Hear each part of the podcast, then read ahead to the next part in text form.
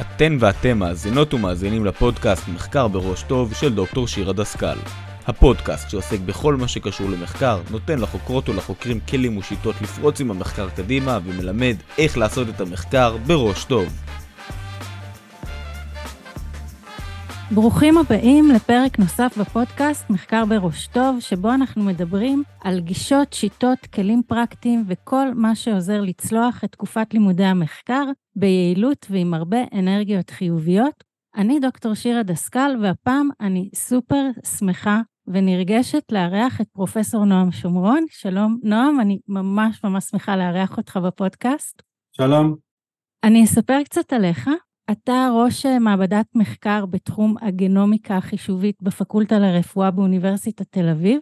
בצוות שלך יש 30 חוקרים וחוקרות שמנסים לפצח את המשמעות של הקוד הגנטי על בסיס מולקולת DNA, RNA ותיקים רפואיים. שיטות העבודה כוללות בינה מלאכותית ולמידת מכונה. אתה עובד בשיתוף פעולה עם בתי חולים בארץ ובעולם, ייסדת את אגודת Rare Genomics Israel, שמסייעת למשפחות שלוקות במחלות גנטיות נדירות. אתה מרצה בכנסים מקצועיים ובהרצאות לקהל הרחב, בהם אירועי TED בארץ ובחו"ל. פרסמת מאות מאמרים מדעיים והקמת מספר חברות סטארט-אפ, אבל תחום המחקר הספציפי שאתה עוסק בו, שהוא מאוד מאוד מעניין, הוא לא הסיבה המרכזית שכל כך רציתי לשוחח איתך כאן בפודקאסט. מה שגרם לי לחשוב ולהבין שאני מוכרחה לארח אותך כאן, זו העובדה שאתה כחוקר רואה חשיבות לא רק במצוינות של ביצוע המחקר עצמו, אלא גם בהנגשה שלו, ולא רק לחוקרים מהתחום או לחוקרים באופן כללי, אלא גם לקהל הרחב. ואת זה אתה עושה בצורה פשוט פנומנלית. והזמנתי אותך כדי שתסביר לנו גם למה זה כל כך חשוב, וגם תיתן לנו טיפים איך אתה עושה את זה. אני רק אוסיף שמעבר לזה שצפיתי במספר הרצאות שלך, שאני כבר מזמינה את המאזינות והמאזינים לחפש ביוטיוב ולצפות בהרצאות המצוינות שלך, השם שלך עולה לא פעם בהרצאות של מומחים להעברת מסרים ולמה שנקרא storytelling, כדוגמה לאיך צריך לעשות את זה. ואני אספר גם ש... בפודקאסט ששמעתי לא מזמן, וניתן להם קרדיט, הפודקאסט נקרא טאפס, דיברו על הרצאת TED שהשתתפת בה לפני כמה שנים, הזמינו אותך להרצאה, ואמרו לך, אתה צריך להסביר את המחקר שלך, במה הוא עוסק, וכל זה בשלוש דקות. וחוץ ממך יש עוד 99 חוקרות וחוקרים שמציגים את המחקר שלהם באותו האירוע, ואתה אחד ממאה חוקרות וחוקרים. שכל אחת ואחד מהם קיבל שלוש דקות בלבד להציג מחקר פורץ דרך, ואתה קיבלת מספר איפשהו באמצע. ועכשיו נשאלת השאלה, איך אתה זכיר? איך אתה מספר את הסיפור שלך בשלוש דקות, כך שהסיפור שלך יהיה זה שהצופות והצופים יזכרו? ובסוף הפרק אנחנו נחזור לסיפור הזה ונספר למאזינות ולמאזינים איך עשית את זה. אז נתחיל במה בעצם אתה חוקר, ואותי גם מאוד מסקרן איך הגעת לזה, איך מגיעים לתחום כזה של מחקר. המעבדה שלנו חוקרת גנומיקה. גנומיקה זה מכלול ה-DNA, החומר התורשתי, ספר הספרים, התורה בעצם איך לבנות אדם שלם מההתחלה ועד הסוף. ומעבר לגנטיקה ול-DNA, יש עוד שכבות נוספות של מידע שעוזרות לגוף לתפקד במצב רגיל וחס וחלילה במצב של מחלה. אז מעבר ל-DNA יש לנו גם RNA שזה הביטוי מה-DNA, יש לנו חלבונים שזה המכשירים הקטנים שמבצעים את כל הפעולות בגוף שלנו. ויש כמובן את הסביבה שלנו, הסביבה שלנו יכולה להיות האנשים מסביבנו, הלחץ בעבודה, מה אכלנו היום בבוקר ואם חס וחלילה כמעט נדרסנו בדרך לעבודה אז הלב שלנו מתחיל לפעום מהר אז הכל פועל על הגוף שלנו והוא מטפל בנו ומתחזק אותנו והגוף שלנו מתפקד די טוב, תראי אני יושב ומדבר, את יושבת ומקשיבה אז כל התאים וה-DNA וה-RNA והסביבה בסופו של דבר פועלים בצורה טובה. אני אומר לסטודנטים שלי שזה נהדר לעשות מדע טוב אבל אם לא מספרים על המדע הזה ומנגישים אותו מה זה שווה? אני אומר שלפעמים זה 50% מדע טוב ו-50% להנגיש את המדע. אני גם אומר להם שאני מספר על המדע שלי בצורה פשוטה, אחרת אני לא אבין את זה. אז ככל שאתה מפשט את זה לעצמך, אתה מבין את זה יותר טוב, ואם אתה מספר את זה למישהו זה עוד יותר אה, איזושהי מראה שמראה לך איך אתה עושה את המדע ואיך אתה מעביר את זה הלאה, ואם מישהו עושה איזשהו פרצוף שלא מבין או עיניים בוהות בך, אתה מבין שטעית באיזשהו שלב. והכי טוב זה לנסות על הילדים בבית. להסביר להם מה אתה עושה, הרבה פעמים הם קולטים מהר מאוד, וכמובן שואלים את השאלות הכי חכמות. בזה אני לגמרי מסכימה. לשתף את הילדים זה הדבר, ובאמת השאלות שלהם לפעמים מחייבות אותנו להפעיל כל מיני גלגלים בראש, ששום דבר אחר לא, לא מפעיל אותם. אני כבר שנים רבות נותן הרצאות כמובן, כל פעם שילד או ילדה שלנו מגיעים לכיתה א', אנחנו עושים הפקות של DNA ואני גדל יחד איתם בבתי הספר. הלכתי uh, לקראת סוף השנה האחרונה להנדסאים, לכיתה ז', ונתתי להם הרצאה, משהו שאני אומר כבר עשר שנים בהרצאות שלי, שלקרוא DNA של אדם היום זה מאוד זול, כל פעם אני יורד במחיר, זה הגיע ל-100 דולר, אני אומר לפני 20 שנה זה עלה מיליארד דולר. אף אחד לא שואל אותי את השאלה איך זה עולה מיליארד דולר, ואז הרים ילד את היד ואמר סליחה רגע בוא תסביר לי איך זה מיליארד דולר. אז אמרתי לו תראה מכשיר עולה מיליון דולר, אז הוא אומר זה עדיין לא מיליארד דולר, אמרתי יש 300 מכשירים, הוא אומר לי זה עדיין לא מיליארד דולר, הוא אומר לי בוא תסביר לי, והוא התחיל להתעקש על השאלה הזאת, פעם ראשונה שהבנתי שאני עשר שנים אולי סתם זורק מספר, לא באמת, אנחנו יודעים שזה אולי אפילו יותר ממיליארד, אמרתי לו, בסוף נפנפתי איזה תשובה ואמרתי לו, תראה, זה גם מחשיבים את כמות העבודה ואת העובדים שמסביב ואת השכירות של הבניין ואת החשמל, אז זה בסוף מגיע למיליארד. אבל פעם ראשונה שמישהו העמיד אותי במקום ואמר לי, תשמע, בוא תסביר לי את המיליארד דולר, וזה הילד בכיתה ז'. מדהים. לגבי דוגמאות של אנשים שמעבירים אה, מידע טוב או עושים רק מדע טוב, גם כן בהרצאות שלי הכלליות, אני נותן דוגמה של שני אנשים. אליזבת הולמס, שלצערנו הקימה חברה, לצערם של הרבה מאוד אנשים, שהייתה שווה 8 מיליארד דולר, והתמוטטה ביום אחד, כי היא הדגישה הרבה מאוד את היחסי ציבור, את ה-PR ואת הסיפורים על המדע, אבל לא היה בסיס למדע מאחורה, כלומר הטכנולוגיה לא עבדה, ולצערה, ושוב, לדאבונם של אה, החוקרים וחולים רבים, היא יושבת בכלא עכשיו על זה שהיא רימתה ודיברה הרבה על המדע, אבל לא הייתה טכנולוגיה מאחורי זה.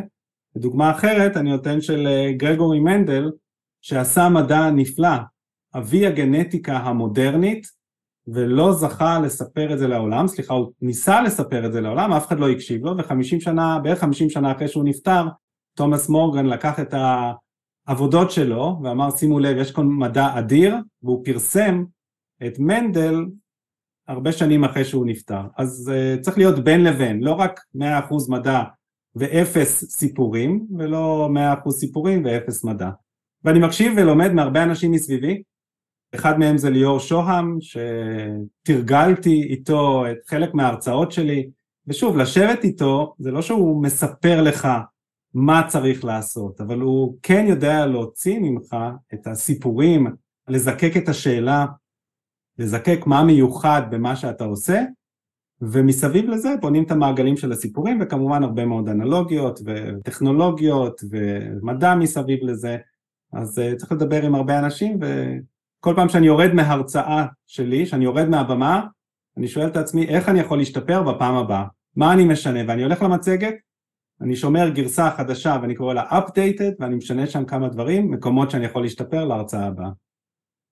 כלומר, אתה ממש מייצר אבולוציה של האופן שבו אתה מספר את הסיפור של המחקר שלך, והאופן שבו אתה עושה את זה, זה אתה פשוט מספר על המחקר שלך לכמה שיותר אנשים.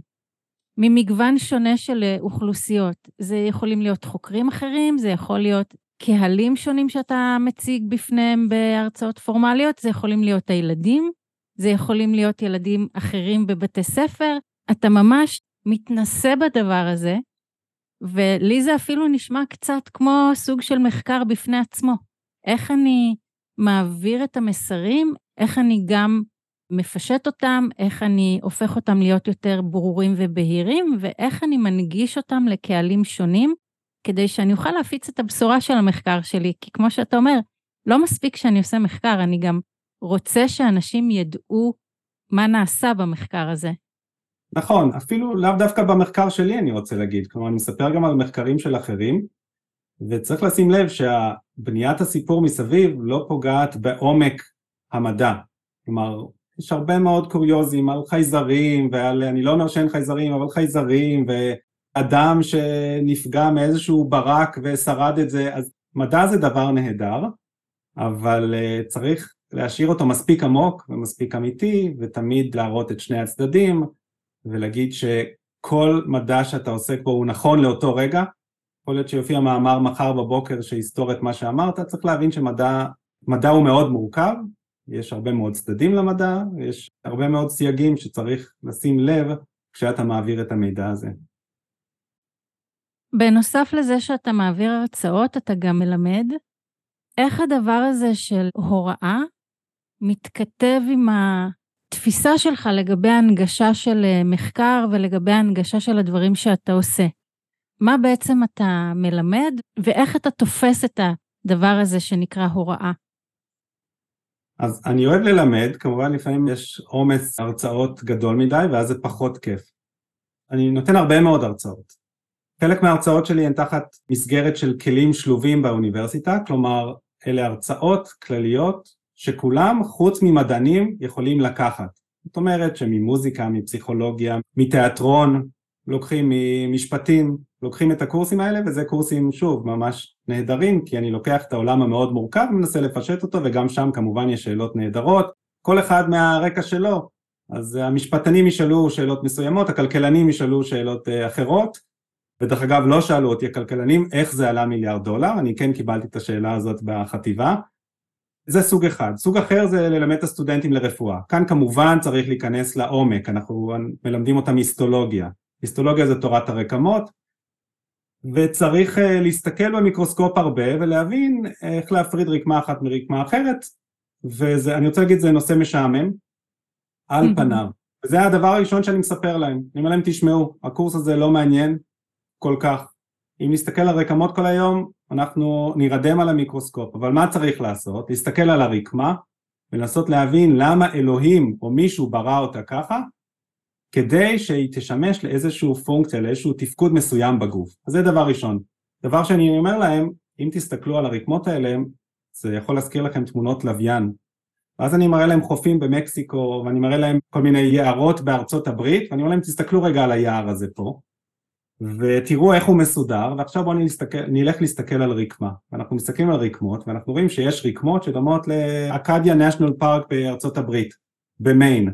ואחרי זה מסתכלים על רקמות אחרות ורואים שזה נראה כמו החוף בקליפורניה, אוקיי? האור שלנו יכול להיראות כמו אה, מפרצים בקליפורניה. אנחנו עושים את ההקבלה הזאת, אז זה נחמד, פתאום אתה מדמיין את האזורים השונים בעולם כמו רקמות שונות, ואם יש איזשהו פצע, אתה יכול להגיע לאיזשהו אזור שיש חפירות, ואתה אומר, וואו, הפצע הזה שאני רואה עכשיו במיקרוסקופ של אדם, מזכיר לי איזושהי חפירה שם בצפון רוסיה, שקורים שם אה, כל מיני אה, מחצבים מתחת לאדמה. אז זה היסטולוגיה, זה לסטודנט ברפואה, אני מלמד פה גם במה שנקרא במדרשה, שזה לסטודנטים מאסטר ו-PhD, אז שאלתי את עצמי איזה קורס יכול להיות כאן מעניין ורלוונטי לסטודנטים.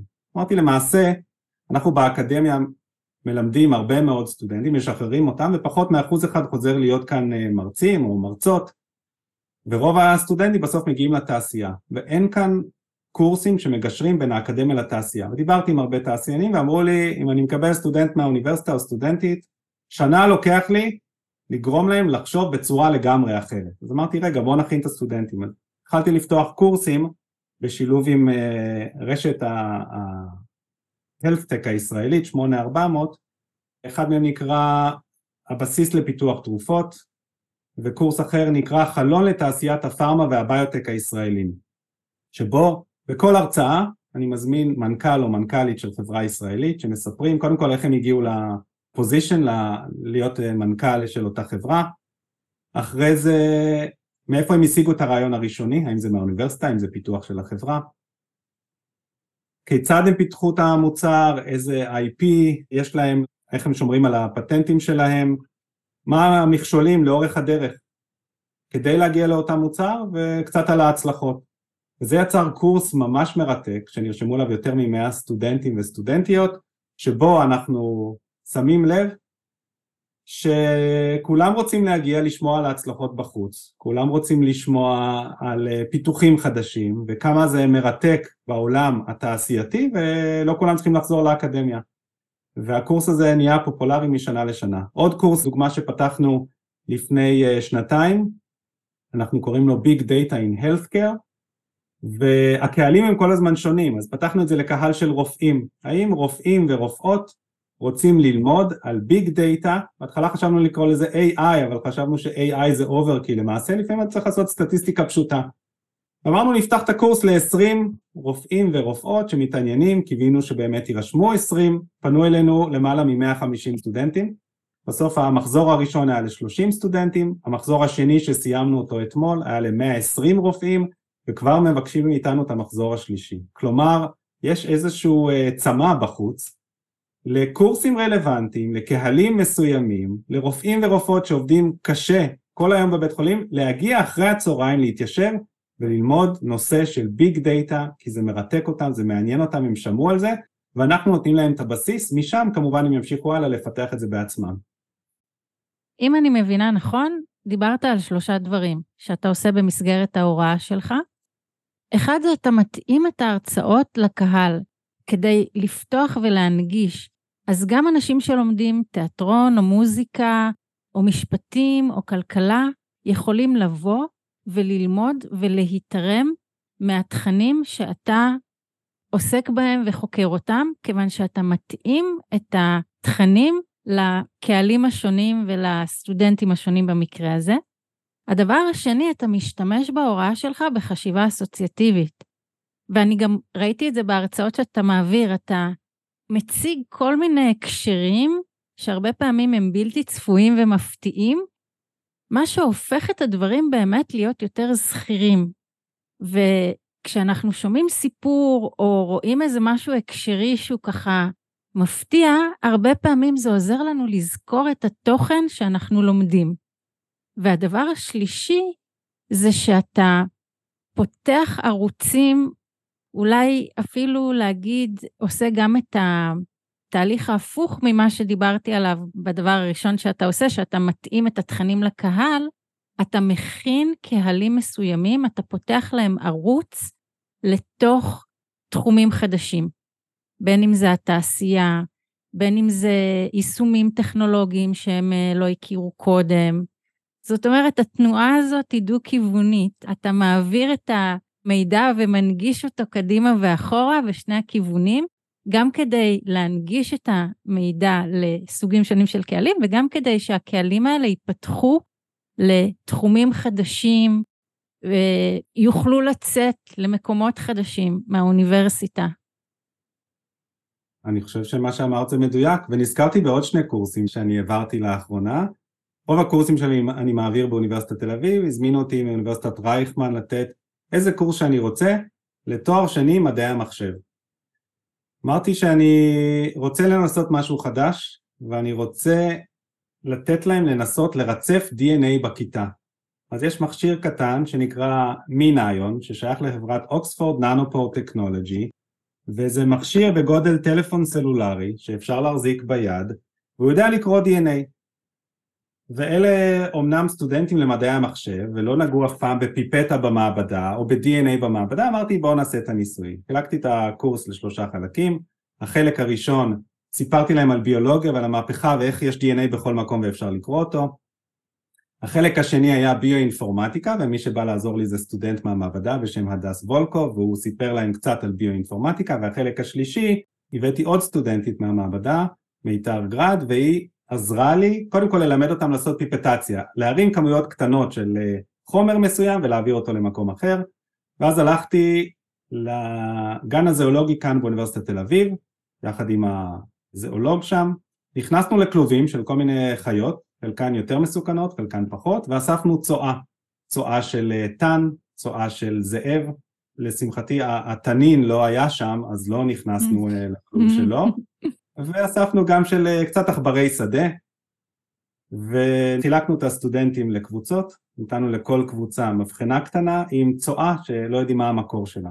אחרי שלימדנו אותם להפיק DNA, הם הפיקו את ה-DNA מהצואה, אחרי שלימדנו אותם לעשות פיפטציה, הם הרכיבו ספריות של DNA, ואז הם הטעינו את זה על המכשיר הקטן בגודל כף יד על המין איון, חיברנו את זה למחשב מאוד חזק, והרצנו את זה, זה היה קורס ביום שישי, התחלנו לראות את הרצפים עולים על המסך, אמרנו שנשאיר את זה עד יום ראשון, יום ראשון באנו, אספנו את המחשב והיו שם רצפים של DNA, שלחנו להם את הרצפים, והמשימה הסופית שלהם בשיעור האחרון היה לספר מאין הגיעה הצואה, לאיזה חיה זה שייך.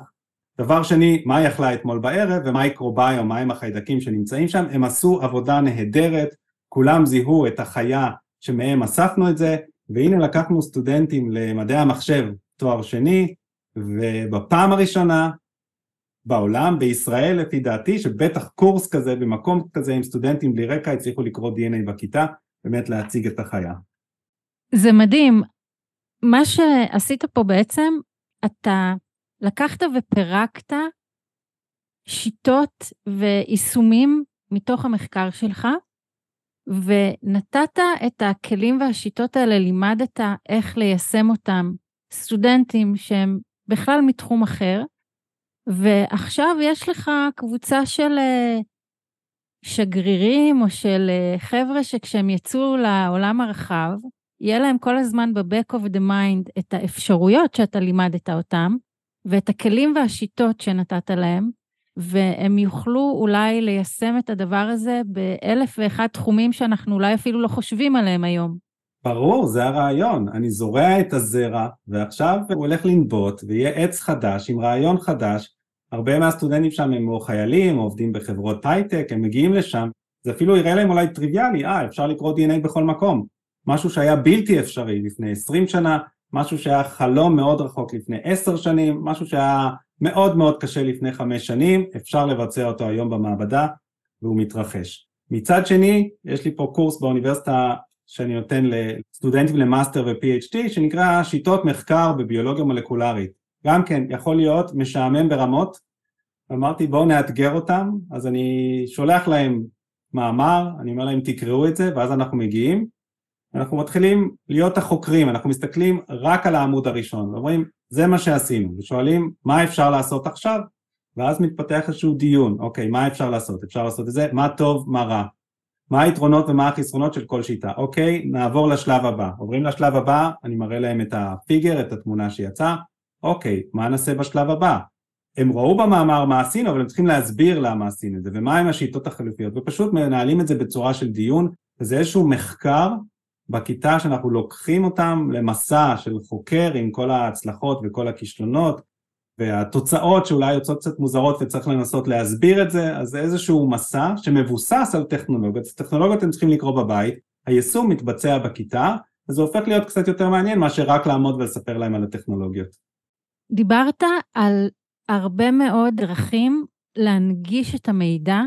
דיברת על זה שאנחנו יכולים לדבר עם אנשים, שאנחנו יכולים uh, להציג בכל מיני פורומים ופלטפורמות את המחקר שלנו, על זה שאנחנו יכולים להעביר קורסים וסדנאות וכולי. איך היית מציע לתלמידי ולתלמידות מחקר שהם כרגע בדרך, הם עובדים על עבודת המחקר שלהם? הרבה פעמים תלמידי ותלמידות מחקר מגיעים לכנסים אקדמיים ולפורומים כאלה ואחרים ומציגים שם ממצאים ראשוניים או את השיטות או את התחום שהם אה, חוקרים.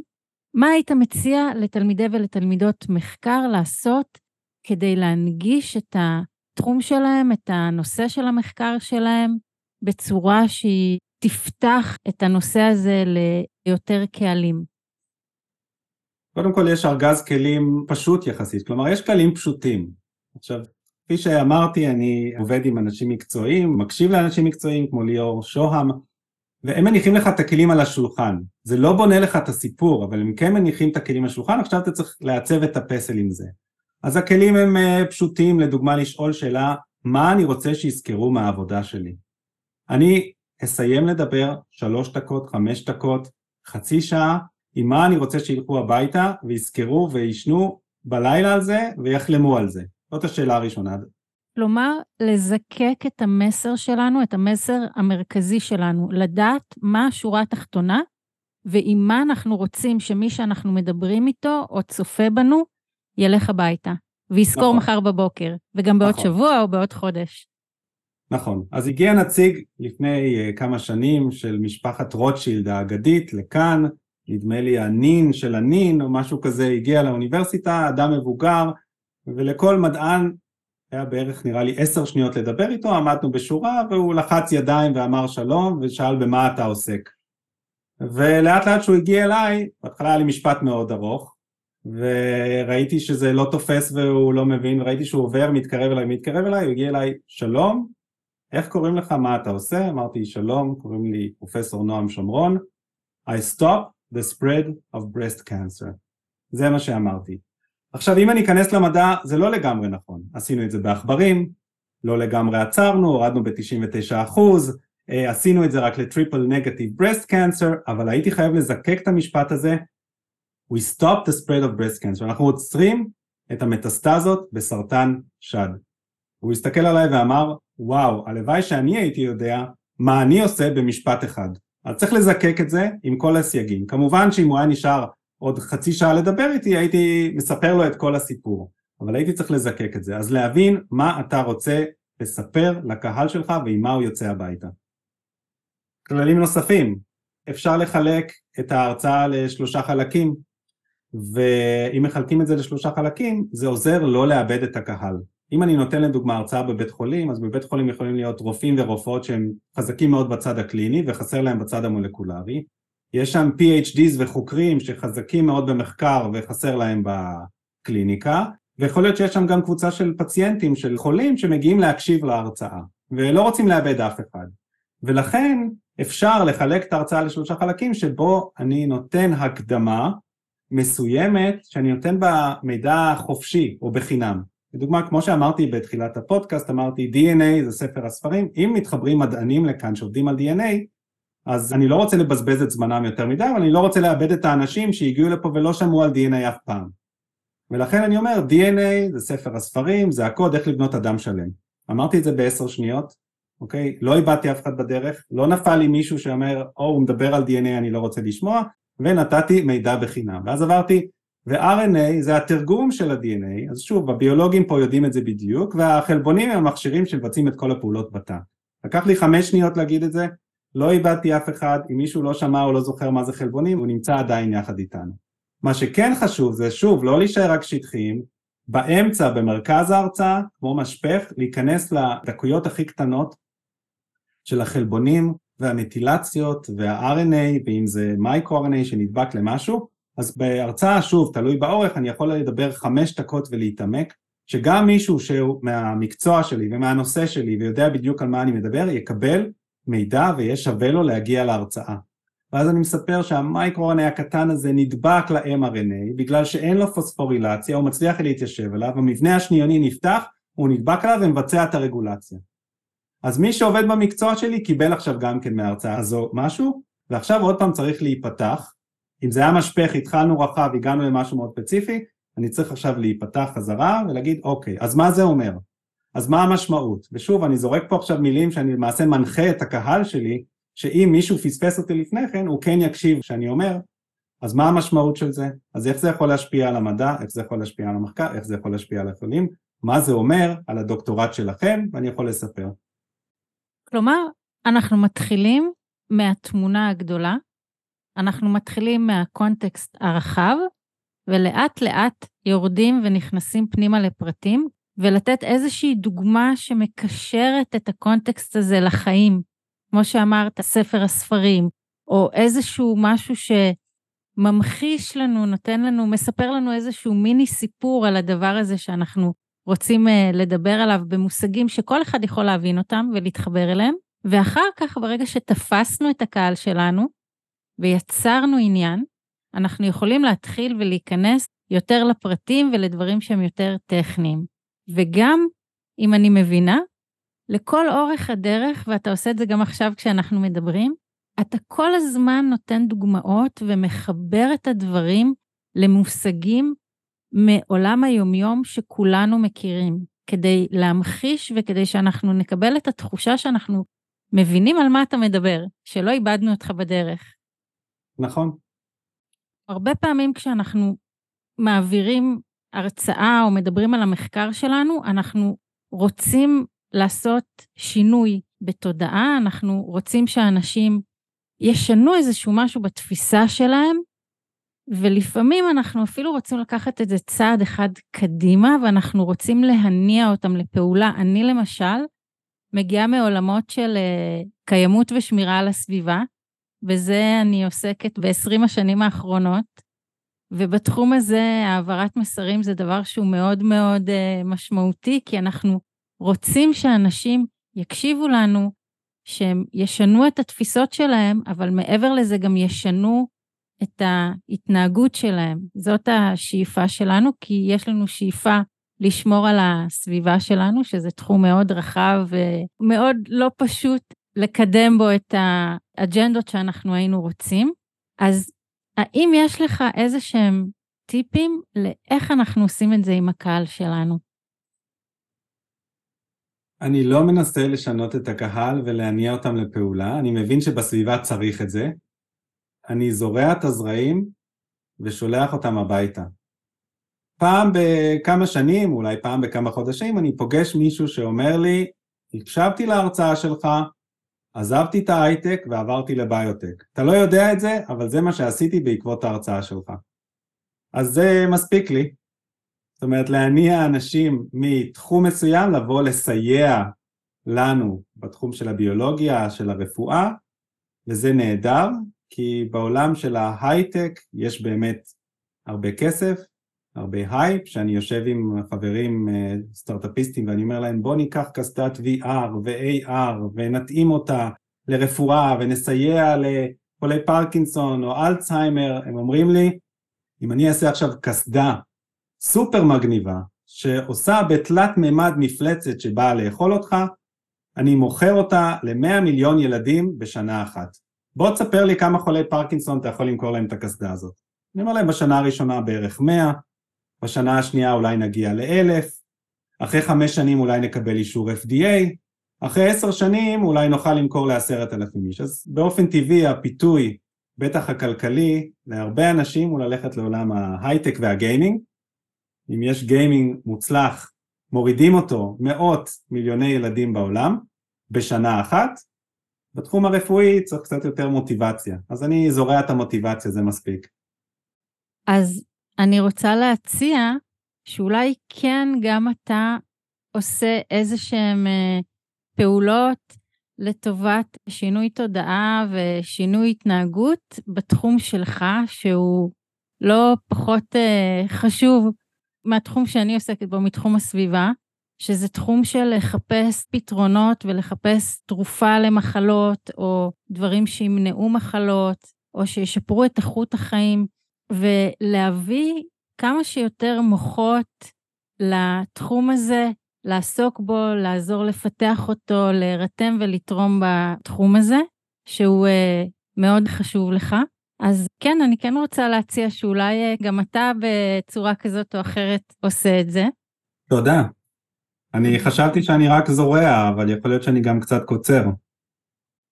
ואני אשמח גם קצת לשמוע ממך איך עובדות אצלכם התוכניות לתלמידי מחקר, איך אפשר להגיע להיות תלמידת או תלמיד אה, מחקר אצלכם, ומה בעצם עושים סטודנטים שמגיעים ללימודי אה, מחקר אצלכם בתחום שלכם. במעבדה שלנו אנחנו אוספים סטודנטים וסטודנטיות מרקעים שונים. אני חושב שהדייברסיטי, הגיוון מאוד חשוב, ולכן יש סטודנטים וסטודנטיות מביולוגיה, מרפואה, יש חמישה MD PhDs במעבדה, כלומר כאלה שגם לומדים רפואה וגם עושים דוקטורט PhD. יש סטודנטים שמגיעים מסטטיסטיקה, ממתמטיקה, ממדעי המחשב, ובשנים האחרונות גם מהנדסה. והנדסה זה נהדר, הם אוהבים לפרק ולהרכיב דברים, והרקע שלהם הוא לגמרי שונה מביולוגיה, אבל היו לנו ויש לנו שלושה סטודנטים שלומדים הנדסת חשמל. ולכאורה אין קשר בין הנדסת חשמל למה שאנחנו עושים, אבל זה בדיוק מה שיפה, כי הם כן מגיעים, אנחנו מלמדים אותם את הביולוגיה, אומרים, אה, רגע, זה דומה לאיזשהו סיגנל שאני ראיתי, שעשיתי ניתוחים של אותות.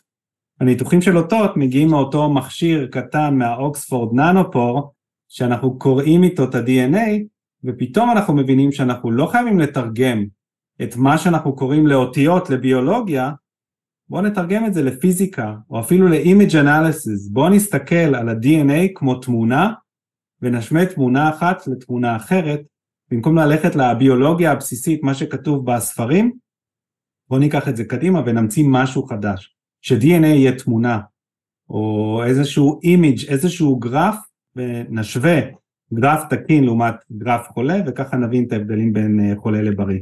בכלל, יש לי הרבה רעיונות שאני זורק, לצערי הסטודנטים לא קונים את כל השטויות שלי, אבל חשבתי להציג את ה-DNA כמו מפת הכבישים בניו יורק, ואז אה, לתרגם את ה-DNA לבניינים, גנים יהיו בניינים, האזורים שאינם מקודדים ל-DNA יהיו הכבישים, ואז חלון פתוח, חלון סגור בבניין יכול להיות מוטציה, אמרתי בוא ניקח באמת המפה של ניו יורק, בוא נלביש על זה את ה-DNA ובוא ניתן לנהגי מוניות בארצות הברית קסדת virtual reality ונדמה להם נסיעה בתוך עיר והם יעזרו לנו לראות איפה יש בורות בכביש, איפה יש חלון פתוח, כי הם מכירים הכי טוב את העיר. ואם נבקש מנהגי המוניות להסתכל על העיר, שהם כל יום נוסעים בעיר שעות על גבי שעות, אולי הם יצליחו לזהות דברים שאנחנו לא מזהים ב-DNA. כלומר, להמשיל את הגנטיקת ה-DNA על עולם אחר לגמרי. והעולם האחר שבו הם חיים ומכירים, הכי טוב הם יוכלו לסייע לנו לפתור את הבעיות שלנו, דברים שאנחנו לא רואים. חשבתי להלביש את עולם ה-DNA על אה, משחק של מיינקראפט, של ילדים, של עולמות שהם בונים, שהם רצים בו, הם הולכים, הם מסתכלים מסביב, פוגשים שם חברים. אם אני עכשיו בונה להם עולם שהוא מבוסס על DNA אמיתי, והם לא יודעים שהם מסתובבים ב-DNA, ואני שולח עכשיו מיליון ילדים שמשחקים בזה, לחפש את אותו בור, או את אותה גבעה, את אותו עץ, שנראה להם קצת מוזר, יכול להיות שהם יעזרו לנו לפתור בעיות גנטיות יותר ממה שביואינפורמטיקאים יעזרו לנו לפתור. וואו, זה מדהים. כלומר, הוורסטיליות היא עצומה, והרבה מאוד סטודנטים וסטודנטיות שמגיעים בכלל מתחומים אחרים לגמרי, יכולים, אם התחום הזה מרתק אותם, או אפילו אם הם נחשפים אליו פעם ראשונה עכשיו כשהם מאזינים לפודקאסט, יכולים אולי למצוא ערוץ שבו הם יכולים לתרום למאמץ הזה של אה, הכרת ה-DNA והיישומים שקשורים לשיפור איכות החיים ומציאת תרופות למחלות באמצעות המחקר הזה. וזה יכול להיות מעולמות ששונים לגמרי, לגמרי. שאני שומעת דברים שמאוד מפתיעים אותי, ואני מניחה שגם מאזינות ומאזינים שלנו שומעים הרבה מאוד דברים שמפתיעים אותם. כן, ולכן צריך מוטיבציה, מוטיבציה לאיזשהו נושא, להפעיל את הדמיון, אולי להביא מתחום רחוק, לעשות הצלבה של תחומים, להביא איזשהו אלגוריתם, איזשהו רעיון מתחום אחר ולהכניס את זה לתחום חדש. הדבר הרביעי, להיות פתוח, להקשיב, לעבוד בקבוצה, לדון על הנושאים החדשים, ואם יש את אלה, אז אפשר להתקדם. כלומר, שוב, אפשר ללמוד מדעי המחשב ברייכמן ולקרוא DNA, אפשר לקרוא DNA במעבדה ואחרי זה ללכת ליישם את זה בפסיכולוגיה, במשפטים, בכלכלה, וצריך לוודא שמה שאתה לומד באמת פותח לך את העיניים, פותח את העולם, מלמד אותך לחשוב, לשאול את השאלות, ומשם המעבר ממקום למקום יותר פשוט, אפשר לעשות גם קורסים בקורסרה, אפשר להקשיב אונליין, האוניברסיטה היא מוסד שקיים כבר אה, מאות שנים, אנחנו ייקח לנו עוד קצת זמן להשתנות, אפשר ללמוד מכל מיני מקומות, אני מסכים שכיף באוניברסיטה, בסוף כן צריך את התעודה כנראה, בטח לפתוח דלתות בהתחלה, אבל לוודא שמה שאתה לומד זה לא הדבר הסופי שבו תעסוק כנראה, אלא קח בחשבון שכנראה תקפוץ מנושא לנושא או תשלב דברים, או בוודאי להשתמש ב-chat TPT וב-AI ובכל הכלים השונים, להשתמש בהם. הם פה, הם יישארו, אנחנו עכשיו רואים את קצה הקרחון, הקרחון הגדול יגיע בשנים הקרובות, להשתמש בזה, להפעיל טרימיון, הכל נגיש, הכל אפשרי, הכל בר ביצוע, ולכן uh, צריך רק להפעיל את הדמיון ולקחת את זה קדימה. אז אם אני מבינה נכון, המסר למי שעוסק במחקר, בפרט תלמידי ותלמידות מחקר, תעיזו, תדמיינו, תחשבו חשיבה אסוציאטיבית, אל תפחדו מלקשור כל מיני הקשרים שהם אולי נראים לא קשורים באופן ישיר למחקר שלכם, אבל יכולים לעזור לכם, או להנגיש אותו בצורה יותר טובה, או לפתוח ערוצים וכיוונים חדשים שאולי לא חשבו עליהם קודם. להפך, אני חושבת שזה משהו שהוא חשוב במחקר, לפתוח ערוצים חדשים שלא חשבו עליהם קודם, אבל גם אם הם נראים אולי לא לגמרי קשורים או מאוד נועזים, לכו על זה, נצלו את הכלים שנגישים לנו היום, ואני תמיד אומרת שכשאנחנו עושים מחקר אנחנו אספנים, אנחנו כל הזמן אוגרים, אוספים מידע ונתונים. זה יכול לבוא ממקומות לגמרי לא צפויים, זה מה שאתה אומר. תפתחו את הראש, תפעילו את הדמיון, תעיזו ותעשו גם דברים שהם, אה, הייתי אומרת, אולי נון אה, קונפורמיסטים אפילו, שבעיניי זה נכון. דבר שהוא מאוד חשוב למחקר. מסכים.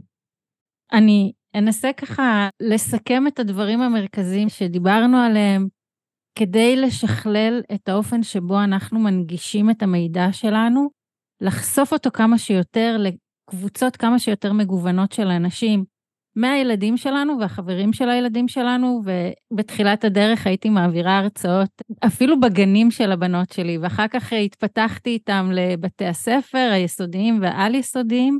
אפילו דברו עם חברים, עם בני משפחה, עם uh, קולגות מהתחום שלכם או לא מהתחום שלכם. תחשפו את המחקר שלכם בכמה שיותר פלטפורמות, בין אם זה הרצאות או סדנאות, או קורסים שאתם יכולים לבנות ולהעביר. וכשאתם עומדים מול קהל, תתחילו מהקונטקסט הרחב, ספרו את הסיפור הגדול, אחר כך תרדו לפרטים ותהיו יצירתיים. ועוד עיקרון שדיברת עליו, שאני מאוד מתחברת אליו, זה תמיד תנסו לחבר את הדברים שאתם מדברים עליהם למציאות, לדברים היומיומיים שכולם יכולים להבין ולהתחבר אליהם. וזה מאוד יעזור לכם להנגיש את הדברים שאתם מדברים עליהם. נכון. אז uh, יש לנו חוב קטן למאזינות ולמאזינים מתחילת הפרק. אז לא נסיים בלי לספר איך הצגת את המחקר שלך בטד בשלוש דקות בלבד. אני לא בטוחה שזה בדיוק מילה במילה, ואתה כמובן אמרת את הדברים באנגלית ואני אגיד אותם בעברית, אבל uh, זה מה שבחרת להגיד, ודיברת על ליאור שוהם, שיצא לי לעבור אצלו גם סדנת uh, תקשורת, והוא באמת מדהים ברמות אחרות. ואת הסיפור הזה שמעתי את ליאור מספר, והוא מספר ככה, שמה שאתה בחרת להגיד זה צהריים טובים לכולם, זו זכות ענקית להיות כאן על הבמה. אתם תשמעו כאן היום 99 חוקרים מהמובילים בעולם, ואם הייתי צריך לבחור דבר אחד שתיקחו מכאן היום, זה את המשפט הבא.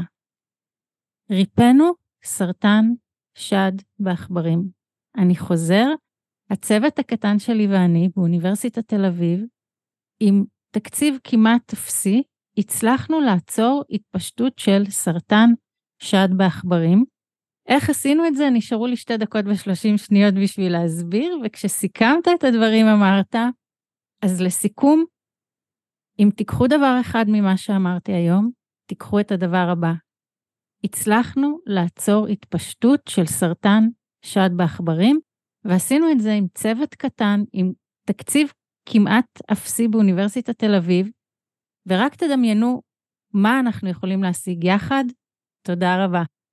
נכון? אמרתי את זה פחות או יותר בסדר?